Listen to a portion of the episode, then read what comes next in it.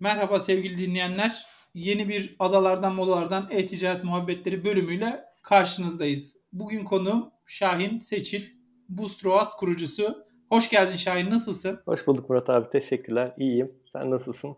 Ben de iyiyim. Sonunda tanışma ve konuşma fırsatı bulduk. Evet.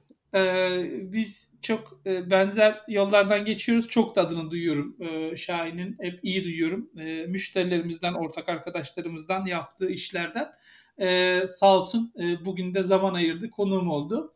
Ee, birazcık Şahin seni tanıyarak başlayalım mı? Biraz kendinden bahseder misin bize? Elbette. Ee, yaklaşık 10 yıldır e-ticaretin içerisindeyim. Ya birazcık böyle e, kaderin beni bu tarafa doğru e, çekip çevirdiği, şu anda da içinden çıkmadığım, çıkmak da istemediğim bir macerada e, devam ediyor kariyerim. 10 e, yılı devirmiş oldum. Bu süre içerisinde ilk yazılımla başladı macera. 2 yıl kadar bir e-ticaret altyapısı üzerine bir şirket kurduktan sonra o zamanın şartlarıyla yürümeyeceğini anlayıp biraz daha nasıl trafik edinebilirim diyerek SEM'le tanışmam. SEM sonrasında data tarafı, biraz daha büyük resmi görme arzusu, GroupM, iProspect, Frozmo derken e, son 4 yıldır da kendi şirketimi kurdum ve o şirketteki süreçleri devam ettiriyorum. E, açıkçası hep bir e, e-ticaretin içinde olunca dinamikler sizi bir yere sürüklüyor. Hiçbir zaman için yerinde durmuyor. Bu Covid de çok güzel örnek oldu. Yapalım dediğimiz bütün projeler şimdi önümüze gelmeye başladı. E, şartların zorlamasıyla beraber daha yaratıcı fikirler çıkmaya başladı. E, açıkçası ben de bu dinamizmden beslenerek kariyerime devam ediyorum. Çok mutlu oldum zaten.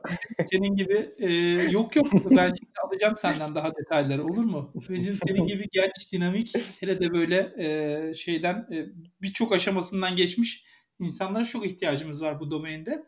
Hem e, bizlerden alıp daha ileri götürmesi için bayrağı hem de e, bizleri de zorlaması için yani o çok kıymetli. O yüzden tabii kısa oldu birazcık daha e, gireceğiz şimdi detaylara ama istersen e, biraz hani şeyle de artık sen de bir e, kurucu olarak e, Booster OAS olmuştur hayatın diye e, düşünüyorum. Biraz oradan e, dinlerken gireriz. Şimdi şeyi çok beğenmiştim yani e, Rust'ın sonu işte Return at Spend.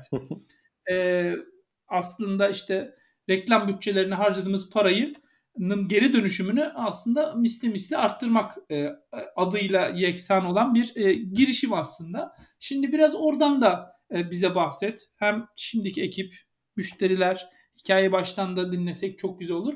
Bir taraftan da ben şeyi çok iyi biliyorum. Yani veri veri veri data data data kimle konuşsam hep Şahin için e, e, addicted to data işte burada dediğimiz gibi biraz data bağımlısı, veri bağımlısı. Biraz ondan da bahsederek e, senden şirketin hikayesini dinleyelim istersen.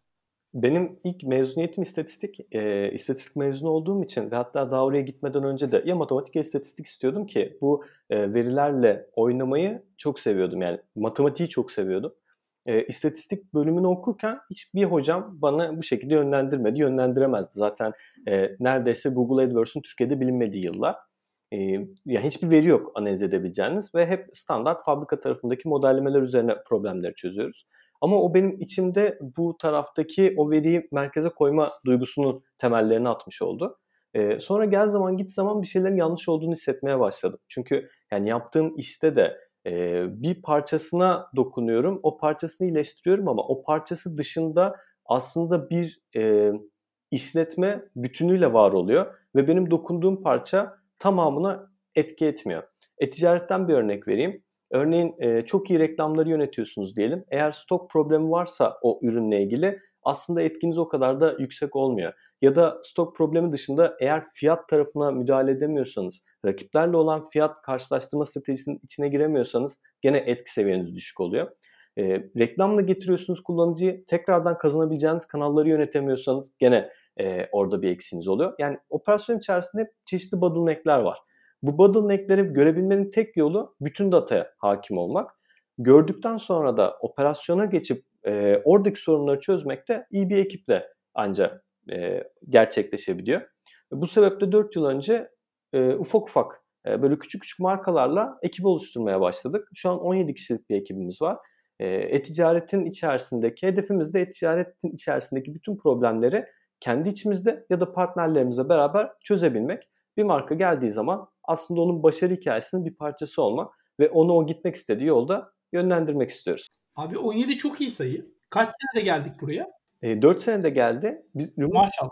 remote çalıştığımız biz ilk kurulduğumuz zamandan beri remote çalışıyoruz. Hatta o zaman gene, eee, düşündüğüm şeylerden biriydi. Eee, iProspect'te çalışırken ben, eee, vapurla gidiyordum, eee, iProspect'e. Mükemmel manzarası var. Ya, pazar günü sırf manzara için gittiğimi bilirim yani. Zaten mesai yapacağım, bari ofiste yapayım deyip gittiğimi bilirim. 3 ay sürdü.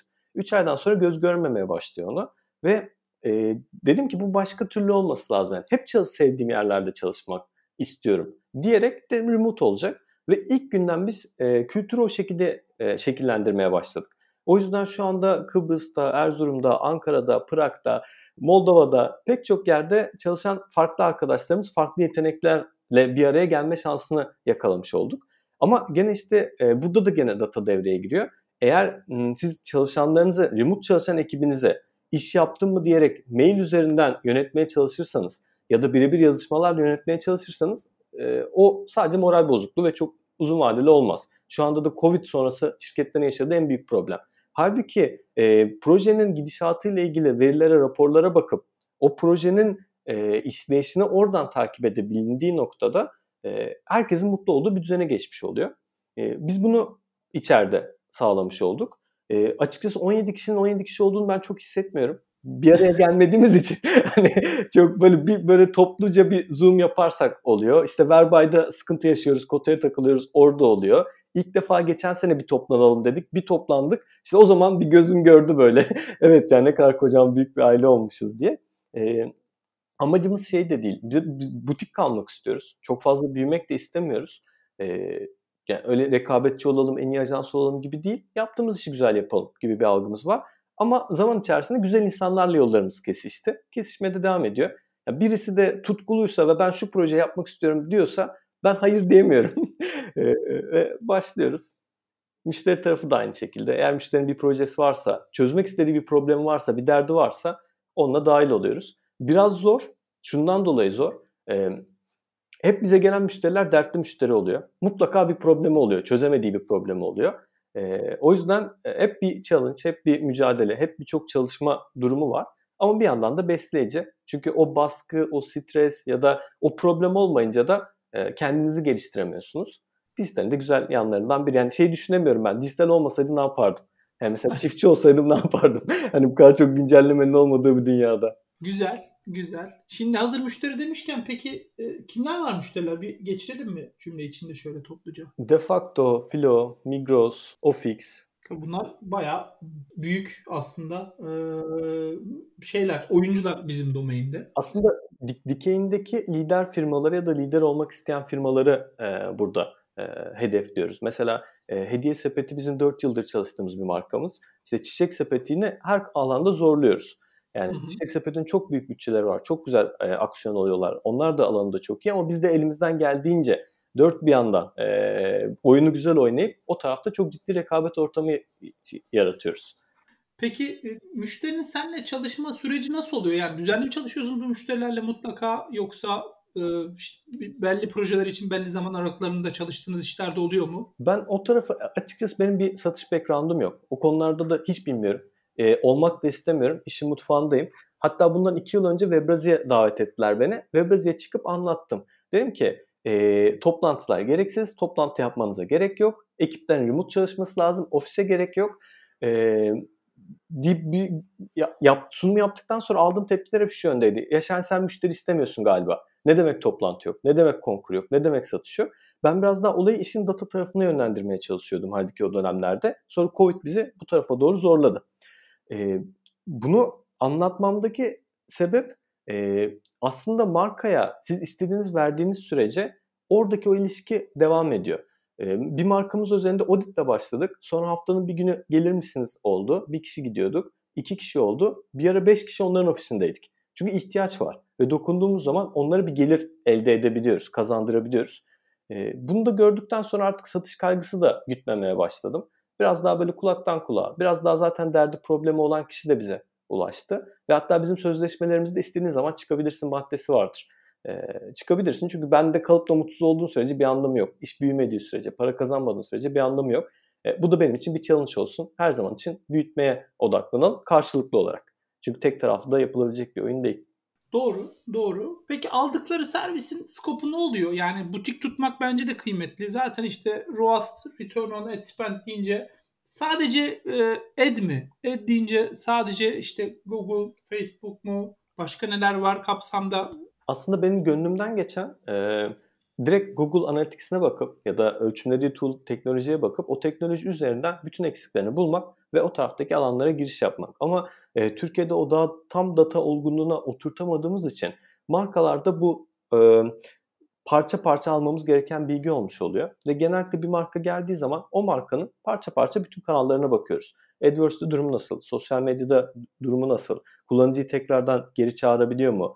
E, SEO'da organik tarafta durumu nasıl? Nelerden etkilenmiş bu zamana kadar? Algoritma değişimlerini onu olumsuz etkilemiş mi? Etkilemişse neler? Neden? Web sitesindeki kullanıcı davranışları nasıl? Satışı yönlendirebiliyor mu? Satışı tamamlatabiliyor mu? Gibi bütün e, detaylara baktıktan sonra bu bahsettiğim kapsamda yani dijitalde verisini bıraktığı her alanda e, biz onlara hizmet veriyoruz. Ya biz bizim için şeyde hani takımı da ben hep ajans gibi de konumlandırmıyorum. Biz büyüme takımıyız. Yapabildiğimiz, uzman olduğumuz şey e-ticaret ekiplerini de büyütmek. O yüzden bir marka geldiği zaman biz orada e, artık sorumluluğumuz, görevimiz onu büyütebilecek bütün e, organizasyon süreci geliştirmek oluyor onlar adına. SEO, AdWords, Facebook e, tam bağımsız ve hatta e, bazı markaların kendi içinde ekipleri var. Onların ekiplerine asist yaparak, onların ekiplerine analizlerimizi paylaşarak gelişmelerine destek sağlıyoruz. Anladım. Anladım. Güzel abi. Yani aslında bence iyi bir konumlama. Zaten işte bu kadar kısa sürede bu kadar büyük markalara ulaşmanın da aslında bir çıktısı var. Bir parça şimdi birazcık işlerin detaylarına girelim. Biraz da hikayeler alalım senden. Çünkü e, bu korona döneminde birazcık ben e-ticarete hizmet veren e, partnerları, providerları bizler gibi, sizler gibi e, ağırlamadım. Daha çok e-ticaret tarafıyla konuştuk ama hazır şimdi seni yakalamışken biraz da sizin gözünüzden e, Covid-19 işte bu pandemi dönemi nasıl geçti, neler gözlemlediniz? Hem e, e-ticaretçiler tarafında neler gözlemlediniz? Hem de aslında kullanıcı davranışları nasıl değişti? Tüketicilerin arama davranışlarında bir değişiklik gördün mü? Bizlerle paylaşabileceğin ilginç bir iki çıktı var mı orada? Aslında şöyle, e, Covid tarafında kullanıcı davranışları çok değişmedi. İhtiyaçları değişti. İhtiyaçlar değiştiği için o ihtiyaçlar doğrultusunda e, yaptıkları aramalar değişti. Ama e-ticaret özelinde gene e, aynı davranışları aynı şekilde yapmaya devam ediyor. E-ticaret tarafında ise çok ciddi bir baskı oldu. E, ve bu baskı sonucunda bazı şeyleri farkına vardılar. Bu zamana kadar çok önemsemedikleri. Örneğin uygulama tarafı artık çok daha kritik. Çünkü hemen kullanıcı ulaşmak istiyor. O tarafta rekabet artıyor ya da e, site içerisindeki anlık değişimleri takip etmek çok önemli. Çünkü stoklarını yönetmek daha zorlu bir sürece e, gelmiş olduk. Müşteriyi dinlemek çok daha önemli. E, artık çözmeleri gereken bir sürü problem var. O yüzden ben birazcık e, COVID'in e, sağlık durumu dışında çıkartırsak genel olarak süreçleri hızlandırdığını ve bir level atlattığını düşünüyorum. Orada bir yeni bir çağ açıldı. Belki Türkiye için bu daha da bir yeni bir çağ. E, çünkü Avrupa'da süreçler ya da Amerika'da süreçler biraz daha oturaklı olduğu için ya da onlar zaten teknolojik olarak bazı konuları yapmış oldukları için öncesinde daha rahatlardı. Ama biz hızlı bir şekilde adapte olup aksiyon almak durumunda kaldık. O yüzden ileride bence çok daha faydasını göreceğimiz, iyi ki de bu kadar sıkı çalışmışız dediğimiz bir dönemden geçiyoruz. Peki kullanıcı davranışları açısından, arama hacimleri açısından bir farklı gördüğünüz bir şeyler oldu mu? Arama hacimlerinde e, mesela ben biraz yurt dışıyla kıyaslıyorum. Yurt dışında e, nakitle ticaret yapan ülkelerin ülkelerde artık yavaş yavaş e-ticarete gelmeye başlayıp dönmeye başlayıp kredi kartı kullanma alışkanlığına doğru evrimleşti. Türkiye'de de benzer bir alışkanlık var. Türkiye'de de hiç e, bugüne kadar e, örneğin yemek sepeti kullanmamış bir kitle vardı ve onlar dahil oldu. Hiç bu zamana kadar Migros'tan alışveriş yapmamış bir kitle vardı. Ulaşamıyorduk onlara çünkü gidip domatesi seçmek istiyordu. Şimdi onlara e, ulaşmış oldu. E, bunun yani Covid'in sonucunda aslında ticaret hayatımızın artık bir parçası haline geldi ve bundan sonra da bu şekilde devam ediyor olacak. Ama Avrupa'ya göre bir tık daha az büyüdüğümüzü ben gözlemliyorum. Evet yani e, bir parça da burada şöyle hiç yapmamışların sayısı azdı e, Avrupa'da. O yüzden onların tekrar yapma sayıları arttı ama Türkiye'de de sisteme yeni dahil olan insan sayısı e, görece daha çok olduğunu düşünüyorum ben de. E, çünkü genel olarak dijitalleşme konusunda e, geride olduğumuz için bazı noktalarda yeniden e, insanların bu işte hızlanması sisteme dahil olan o işte 5 milyondan bahsediliyordu. Şimdi son bir, bir şey okudum 7 milyona çıkmış galiba e, yeni kullanıcı yeni kart sayısı. Bence de hızlandı bu aşamada. Peki e, dönüşümlerde bir değişiklik gördün mü korona öncesi ve sonrası için? Aslında korona sonrasında e, hiçbir değişiklik yapmayan markalarda bile eğer stok problemi yaşamıyorlarsa ya da verdikleri hizmette sorun yaşamıyorlarsa ciddi konverjon artışları oldu. Çünkü kullanıcılar artık daha fazla evde, daha fazla vakit geçirebiliyor dijital ortamlarla ve bir şekilde aynı para harcama duygusuna sahipler. Bir de şunu gözlemledim. Hatta bunu İrlandalı bir arkadaşımla sohbetini yaparken çok şaşırmıştı. Ee, mesela İrlanda'da e, Covid ile beraber insanlar alışveriş yapmayı bırakmış. Çünkü içeride bir parayı save edelim duygusu var. Bir aman Allah'ım başımıza çok kötü bir felaket geldi duygusu var. Türkiye'de ise insanlar alışveriş yapmaya devam etti. Mesela beyaz eşya sektöründe hani düşünüyorum bu kadar büyük bir kriz ortamı elindekiyle idare edebilecek durumdayken gidip yenisini aldılar, tercih ettiler. Ee, belki biraz kültürümüzden, belki geçmişte yaşadıklarımızdan, belki bize karşı artık bazı şeylerin direnç olmasından dolayı e, biraz daha yumuşak atlattık. Biraz daha nakit akışını döndürebildik Avrupa'ya nazaran ya da belli ülkelere nazaran. E, ve conversion rate'ler bunun sonucunda arttı. Ama tabii perakende de offline çok kötü etkilendi. Ve hemen hemen bütün açık neredeyse dijitalden kapatılacak gibi düşünülmesine rağmen kapatılamadı. Çünkü offline'daki deneyim çok başka, ihtiya insanın ihtiyacı çok başka. Offline'daki insan biraz daha dokunup almak istiyor ve görece tercih edebileceği bir adım. E, onu dijitalde yapmayı tercih etmiyor. Yani bugün domates, peynir her türlü aldık, tükettiğimiz için evet dijitalleşebildi ama o offline'daki deneyimin tamamını kazanamadık. Büyük ihtimalle kazanamayacağız. Peki sizin şirket içi kültürünüz açısından zaten uzaktan çalışıyordunuz. Aslında bu işte Mart'ın ortasında uzaktan çalışmaya dönen şirketlerde bir değişim dönüşümü yaşandı ama o açıdan çok etkilememiştir siz diye düşünüyorum. Bir de e, işlerin hacimleriniz yani çalışma süreleriniz vesaireyi de değerlendirmek için bir daha atayım topu sana ikisini beraber cevaplar. Şöyle bir şey ben ilk remote çalışmaya başladığım zaman şunu yaşadığımı biliyorum. Sabah geldim, uyandım, mutfakta güne başladım. Akşam yatmadan önce mutfaktaydım.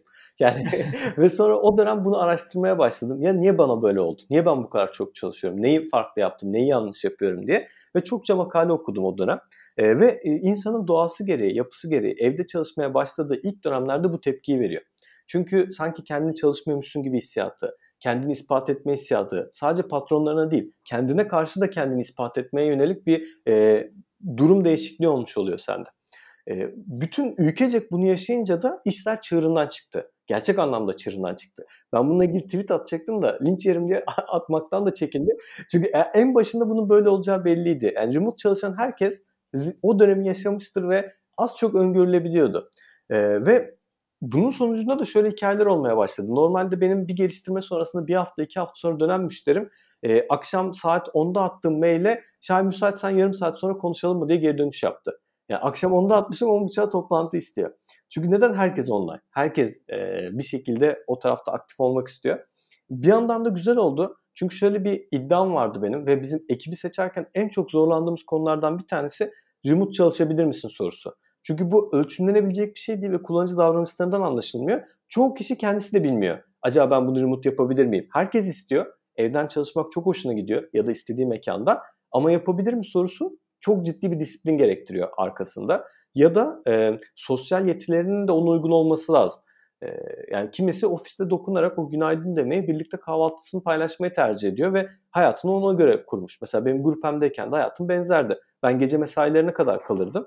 E, hep gece 12'de servis bırakırdı bize eve. Ama orada bir hayatım vardı. Yani o, o, o onun içinde yaşardım kampüs. E, şimdi remote çok başka bir kültür. Onu ülkecek görmüş olduk ve çoğu kişinin ben sevmediğini bizzat biliyorum. Evet artık bir an önce geçsin de ofislere geçelim deyip hatta ofise geçtiği için mutlu olan çok fazla arkadaşım var. Bizim için de çok güzel oldu. Artık iş başvurularında ya çok istiyorum size çalışmaya ama ben remote yapamayacağımı anladım diye geri dönüşler alıyoruz. Bu çok güzel. Bizim bir arkadaşla o şekilde ayrı, yollar ayırmak durumunda kaldık. 6 ay geçti çalışmam, çalış şeydi. 6 ay sonunda geldi şey dedi ya arkadaşlar ben yapamıyorum. Olmuyor. Bana bir ofis lazım. Konsantre olamıyorum dedi. Ee, gerçek. Evet yani dünyada da şimdi benim okuduğum birçok şeyde şuraya geliyor insanlar. Gidebileceğim bir ofis olsun ama zorunda olmayayım. Ee, yani işte istediğim zaman remote çalışabileyim ama bir ofis olsun. O yüzden de işte tamamen ofisleri kapatmak yerine daha küçük ofisler, işte ölçeklenebilir ofisler vesaire gibi bir gündem konuşuluyor. Ee, ben de senin anlattığına benzer bir hikayeyi işte TÜBİTAK sonrası yaşamıştım. Yani 10 sene boyunca aynı ofise gidip aynı masada oturup sabah aynı insanlarla kahvaltı ettikten sonra işte İstanbul'a geldiğimde e, hiç uğramadığım bir ofis e, işte genelde dışarıdaydım. Sonra Segmentify sonrası da zaten hiç benim bir e, ofis kültürüm olmadı açıkçası. İşte biz ofisleri kiraladık, büyüttük, ettik vesaire ama hiç böyle gidip de hiç masam olmadı henüz Segmentify'da mesela. E, İngiltere'de de olmadı. Şimdi de zaten biz de tamamen remote'a döndük İngiltere ofisi için. Bir orada mesela bizim e, farkında olmadan yaptığımız bir şey varmış. Onu fark ettim Covid'le beraber. Çünkü ben de onun eksikliğini hissettim sosyalleşememeyi. Hatta bir ara böyle ofis bakma noktasına geldim. Çok ciddi bir şekilde. Çünkü yok özledim arkadaşlarımı özledim. Yani dokunmak istiyorum yani. Hiçbiri yok etrafımda. Ya, ki, ya, o zamana kadar remote çalışmamıza rağmen ve şunu yapıyormuşuz biz. E, pazartesi günleri toplanıyorduk. Çeşitli vesilelerle üzerine konuşacağımız projeler olduğu için Levent Kolektif House'da Cuma günleri de happy hour yapıyorduk. Ama tamamen katılım serbest. isteyen geliyordu. Ama özlediğimiz için birbirimiz geliyordu zaten ekip. Ve meğer o da çok büyük bir enerji veriyormuş bize. Ee, onu görmüş oldum yokluğunda. Ama şuna çok inanmıyorum. Hibrit modellere çok konuşuluyor şu anda. Ee, bence kişisel görüşüm çoğu şirket öyle planladığı için de de üzerine e, bilir kişi olmayarak yorum yapmak istemiyorum ama hibrit modelde hangi saatte kim gelecek gibi konular ileride gene o ikilileşmeye, biraz daha gruplaşmaya e, yol açacak ve bunun üzerine de çok böyle vakit düşünmeye odaklanmış olacaklar. Sen perşembe mi geliyorsun, sen cuma mı, pazartesi mi? Ya biraz daha herkesin rahat olduğu, gerçekten istedikleri zaman spontane buluşacakları bir mekanın olması bence kurallarla çizilmiş bir yapıdan çok daha verimli. Bence de yeni bir şey. Göreceğiz nasıl olacak açıkçası. Benim çok çok ya katılıyorum birçok konsöründe senin oradaki sıkıntı çıkabileceğini düşündüğün kısma. E, ama bir görmek lazım. E, açıkçası zaten henüz pandeminin de bir yere gittiği yok. Hani yeni normal vesaire diyoruz ama daha yeni ne olduğunu da hiçbirimiz bilmiyoruz. E, neyse rutin Covid-19 geyimizde yaptık sevgili dinleyenler e, bu dönemde. Şimdi artık birazcık daha detay alalım. Hazır işin uzmanını da bulmuşken hem bir parça ben öğrenmek istiyorum hem de e, sizlerin de detayı görmesini istiyorum. Bir Google Shopping e, yeni bir sorunumuz var. Yeni bir çocuğumuz oldu. E, bir görmemiz lazım. E, Ağustos başında galiba e, Türkiye'de Google Shopping e, adlı reklam şeyini, türünü e, kullanılmaz duruma getirdi. Çünkü bir rekabet kurumu kararı oldu. Doğru mu Şahin? Doğru ve hatta shopping'in kapanması Covid'den daha çok etkiledi e-ticaret şirketlerini. Heh, ne oldu abi? Bir, niye kapandı bu? Ne diyor bu şey rekabet kurulu kararı? İki, ne kadar etkiledi? Bu böyle kalacak mı? İşte konuşmalar sürüyormuş vesaire ama e, etkiyi de bir görmek istiyorum. Biraz anlatır mısın? Biraz da sayı paylaş bizle. Aynen. E, ya şu andaki ilk güncel durum paylaşayım. %40 ile %60-65 arasında artık e, ciddi e, gelir kaybına uğradı şirketler. Yani bu taraftaki e, yerine koyamayacakları, bütçesiyle beraber yerine koyamayacakları bir gelir kaybı söz konusu. E, işin sonucu bu kadar büyük. Biraz başına gelecek olursak ise e, aslında buradaki karar yeni bir karar değil ya da Türkiye'ye özgü bir karar değil. Avrupa'da da benzer bir süreçten geçildi. Avrupa'da e, istemedi, yani rekabete aykırı olduğu gerekçesiyle Google'u uyardı ve bunun karşılığında Google ciddi bir tazminat ödedi. E, benzer yaptığımı Türkiye için de yaptı. Türkiye'de de e, Google ciddi bir tazminat ödedi. Ama e, bu cezanın yanında e, Türkiye'nin istemiş olduğu değişikliklerden dolayı Google Shopping reklamlarını komple kapatmak zorunda kaldı. Çünkü her ne kadar biz çok çevik olsak da arka tarafta bir değişiklik yapmak, hele de bir ülke üzerinde değişiklik yapmak oldukça güç. E, Google'un da bunu kendi içinde değerlendirmesi gerekiyor. Avrupa'da olan süreçte ciddi değişiklikler yoktu. Cezayı ödemesi sonrasında devam edebilmişlerdi. Şu anda Google içeride bu değişikliği yapalım mı? Türkiye'nin istediği buna efor verelim mi? Ve sonrasındaki süreçler ne olacak? O onun değerlendirmesini yapma aşamasında. Biz geri döneceğini bekliyoruz. Açıkçası yani konuştuğumuz, yaptığımız sohbetlerde de benzer sinyaller alıyoruz. Google için de önemli bir e, kanaldı orası, shopping. Ama Google'dan öte kullanıcı davranışları için çok kritik, önemli bir alan. Çünkü e, alıştığımız düzende istediği, görmek istediğimiz şey bir ürünü arattığımızda o ürünle ilgili benzer satış yapan e, şirketleri bir arada görüp kıyaslayabilmek. Ve günün sonunda ben güvendiğim, hizmetini beğendiğim, e, iletişimi devam ettirebileceğim ve fiyatı uygun olanı da tercih edip tercih etme özgürlüğüne sahip oluyordum shopping reklamıyla. Şimdi shopping reklamı çıkınca gitmesiyle beraber evet bunu gene Türkiye'deki yerli karşılaştırma siteleriyle yapabilirim. Ama aynı deneyim olmadığı için de e, az, eskisi kadar kolay almak istediğim ürüne ulaşamıyorum. Bütün bunlar o benim ilk başta paylaştığım %40 ve %65 arasındaki çok ciddi bir e, şeyi skalayı oluşturdu. Etkilenmeyen hiçbir şirket yok. Hatta e, shopping kapandığı için artık şirketler shopping'in bir altındaki reklam modeline yüklenmiş durumda. Oradan trafik edinmeye çalışıyorlar ve hiç shopping reklamı ver, ver, verilmeyen kelimelerde dahi rekabet artmaya başladı. Yani bu karardan önce siz alışveriş reklamı yapmıyordunuz. Belki siteniz alışverişe uygun değildi ve bir ödediğiniz tıklama başı maliyet vardı. Bugünden sonra e-ticaretin yoğunlaşmasıyla beraber o tıklama başı maliyetler artmaya başladı. Görece şu anda çok yavaş yavaş artıyor. Yani %3, %5 bandında. Hani böyle inanılmaz bir yükselme görmedik. Ama Black Friday ile beraber, yani indirim dönemiyle beraber ki bu sene Back to School'da olmadı. Hani onun da gene etkisini yakalayamadık. Ee, ama rekabetin biraz daha artması, biraz daha alışverişin başlamasıyla birlikte e-ticaret yapmayan şirketler de bu karardan ciddi bir şekilde etkilenecek. Peki şöyle bir yorum okudum. Buna ne der Şahin? Ee, kimden geldi hatırlamıyorum. Dinlerse umarım kusuruma bakmaz. Ee, rekabet kurulu sen bu işi rekabet e, de yardımcı olsun arttırsın rekabet düzeyini diye yaptın ama biz küçük e-ticaretçileri tamamen öldürdün. Şimdi sadece artık pazar yerleriyle çalışabiliyoruz. Başka yapacak hiçbir şeyimiz kalmadı diye bir serzeniş vardı LinkedIn'de bir Türk e, küçük e-ticaret yöneticisinden. %100 katılıyorum. E, direkt gözlemlediğimiz hatta şu anda da şey konuşuluyor. E, arka tarafta kimler oyundan çekilecek? Hatta yakın zamanda bizim çalıştığımız bir marka çekildi. Yani direkt dedi ben pazar yerlerine dönüyorum. Çünkü e, şu andaki yatırım maliyetlerimin geri dönüşünü alamayacak seviyeye geldim. Ve ben onlarla başa çıkamıyorum. Hem operasyon olarak başa çıkamıyor, teknik ekibi yeterli değil. Hem de maliyetler artmış durumda. E, o yüzden kapatılmasını çok ben e, uzun vadede etkilerinin negatif olacağını düşünüyorum. Çünkü e, o yerli girişimcinin de o oradan çıkıp ticaretini pazar yerinden götürmesi uzun vadede bambaşka sorunlara sebep olacak. E, bu sefer o Avrupa'da istemediğimiz Amazon'un domine etmesi. Mesela benim hep konuştuğum sohbetlerde şey de geçer. İşte Almanya'da biz Amazon'u istemiyoruz. Evet çok büyük penetrasyonu var ama e, lokal olmasını istiyoruz. Ya da İngiltere'de benzer e, geri dönüşlerin olduğunu ya da oradaki çalışma şartlarından dolayı e, istenmediği yönünde geri bildirimler okumuştum. Ama e, şimdi Türkiye'de buna doğru gitmeye başlıyor. İster istemez pazar yerleri tekerleşiyor. Pazar yerinin kurallarını, bu sefer kuralları pazar yeri belirlemiş oluyor. E, rekabet gözünden bakacak olursak çok da bir şey değişmedi. Eskiden Google bize iyi bir deneyim yaratıyordu. Şimdi pazar yerinin e, verdiği kararlar doğrultusunda ilerliyor olacağız. E, kötü mü? Kesinlikle kötü değil. Hatta şu anda onların da arasında rekabet olduğu için iyi de gidiyor.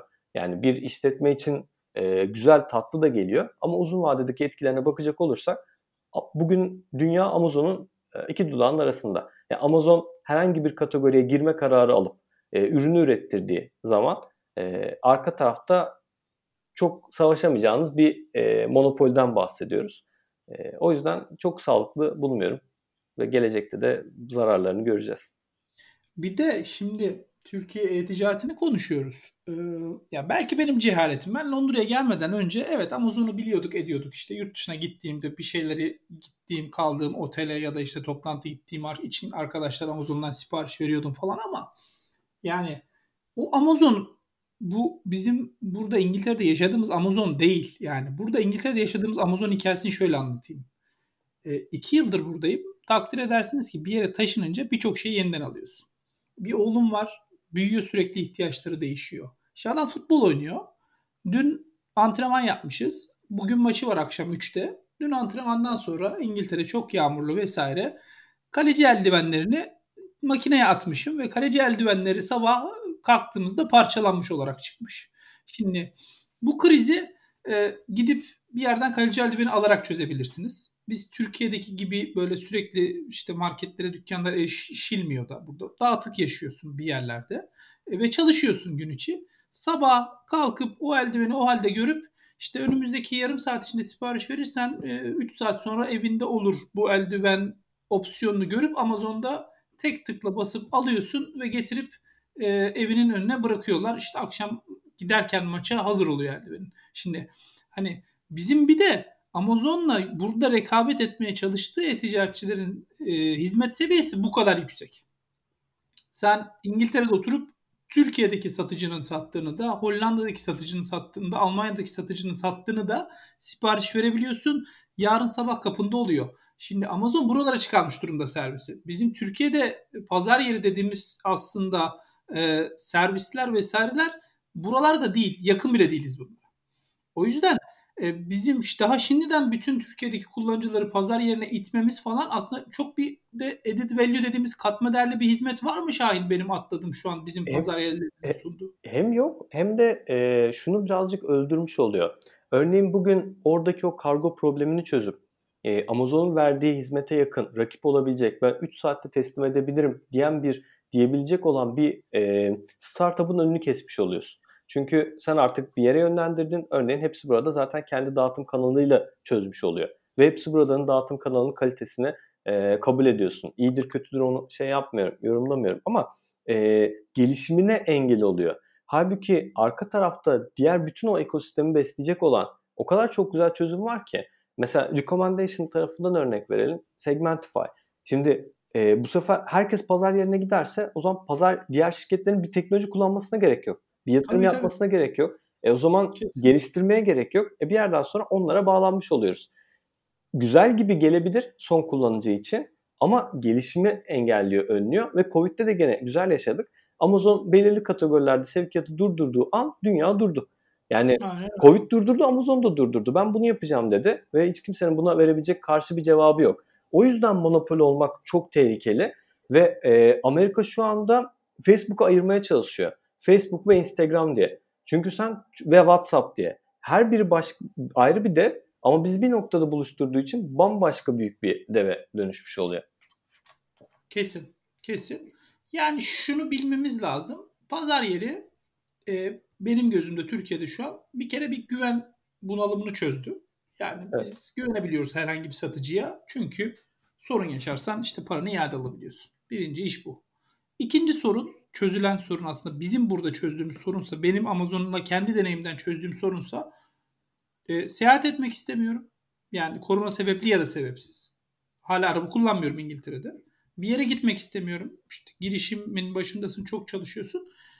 2 pound, 3 pound, %3, %5, %10 fazla verip bir şeyi Amazon'dan alabiliyorsun. Çünkü biliyorsun ki oradaki satıcı da Amazon'u charge ettiği miktarı çıkartabilmek için biraz fiyatı arttırmış durumda. Sen gidip bir dükkandan alabilsen bunu offline'da e, daha ucuz alacaksın. Onu biliyorsun ama oraya gitmenin sana bir e, fırsat maliyeti var. Bunu karşılıyorsun. Aslında bir sonraki seviyenin bunlara çıkması lazım Türkiye'de de. Biz henüz daha başlangıç seviyesindeyiz diyelim.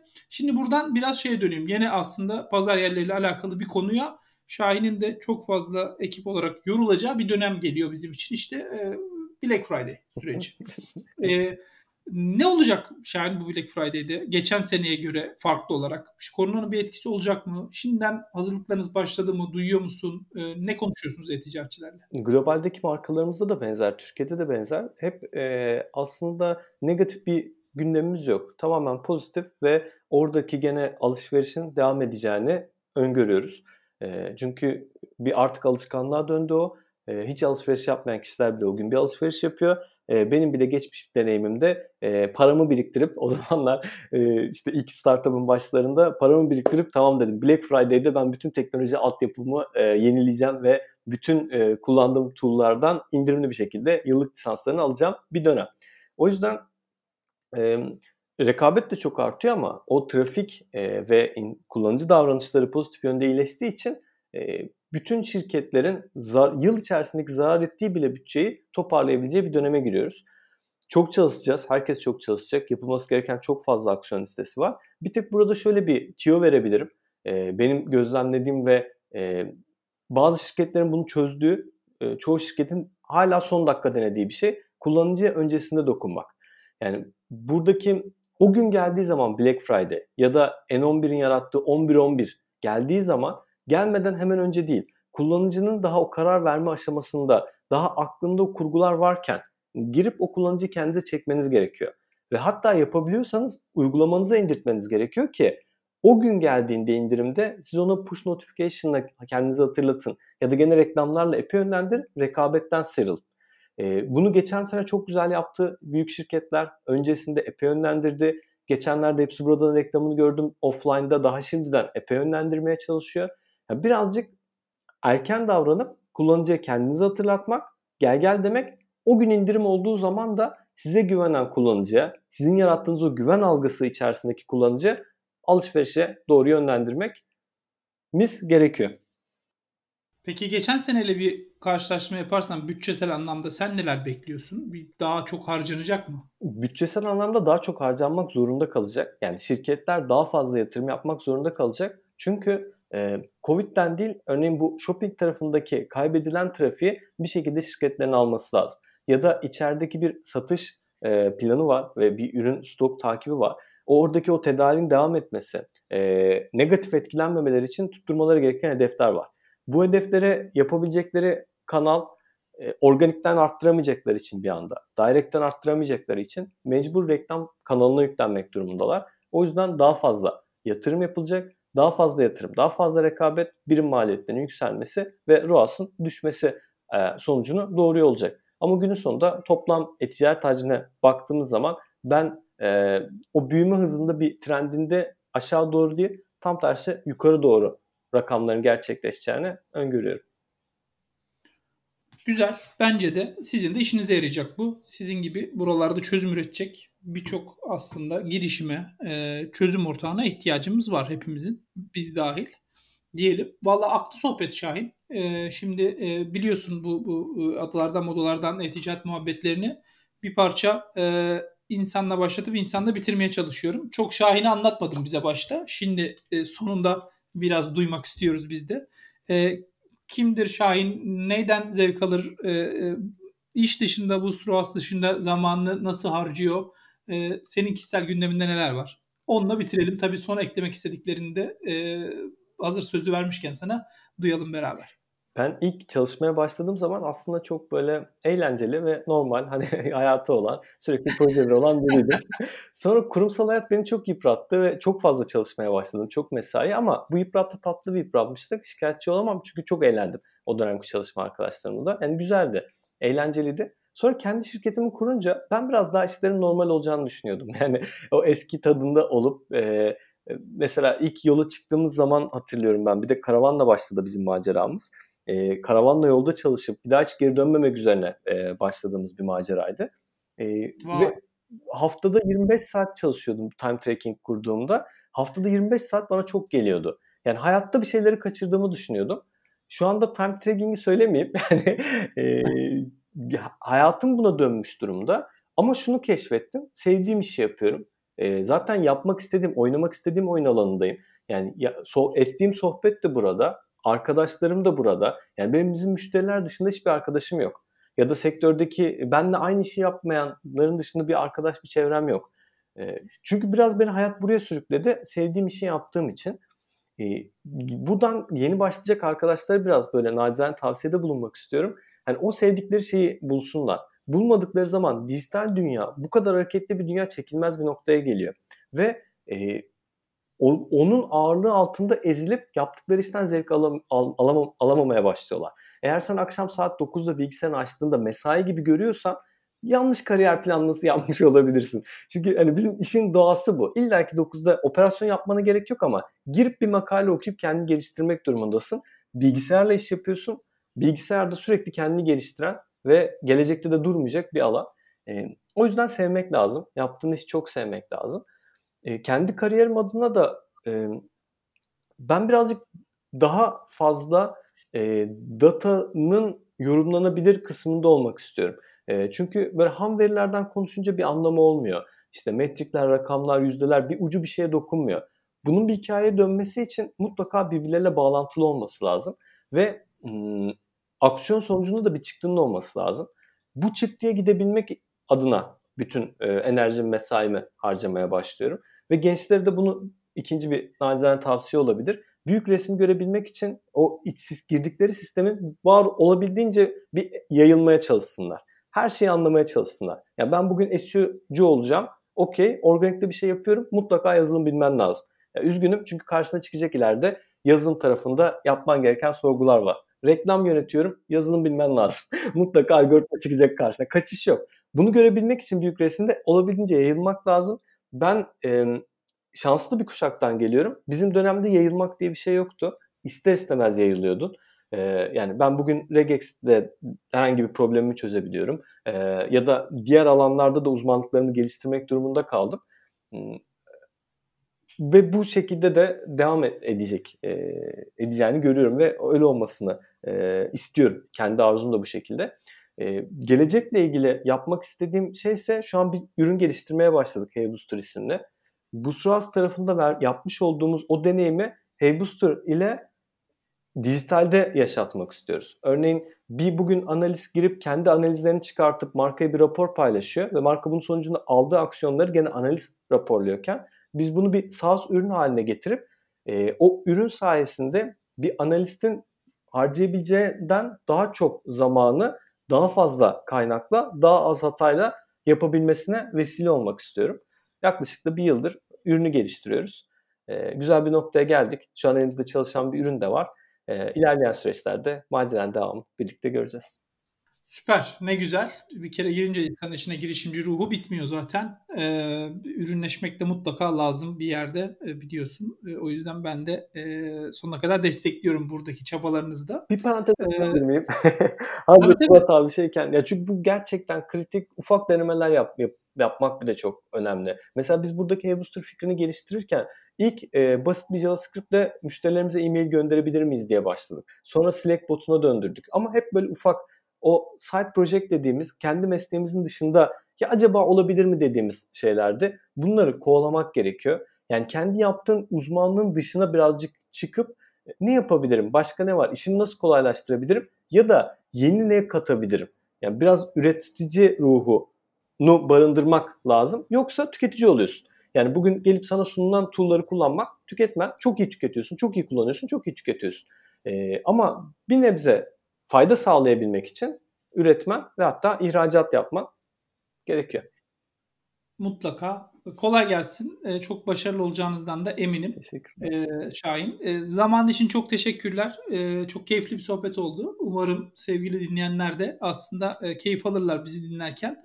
Ee, bu Black Friday sürecinde de tüm ekibe kolay gelsin diliyorum. Ee, hepiniz için zor olacak ama elinizden geleni yapın. Türkiye ticaretini daha çok aslında yatırdığı paradan kazanma konusunda Kesinlikle. E, iyi yerlere getirin istiyoruz. Kesinlikle. Ben de davetin için teşekkür ederim Murat abi. Yani şu anda işte Black Friday eminim bütün meslektaşlarım psikolojik olarak hazırlanıyordur. Yani o gün geldiği zaman hiç kimse ya niye bu gece uykusuz geçirdik ya da niye bu gece ofiste geçirdik özellikle mağaza tarafı. Fiziksel olarak da onların ofiste mesai yaptıkları çok sık oluyor ki pandemiye rağmen yapacaklardır o dinamizmi yakalayabilmek için. Hepimiz psikolojik olarak hazırlanıyoruz. Ee, güzel de geçer umarım. Aynen. Aynen. Ee, yeni bir bölümde görüşmek üzere sevgili dinleyenler. Hoşçakalın. Kendinize iyi bakın.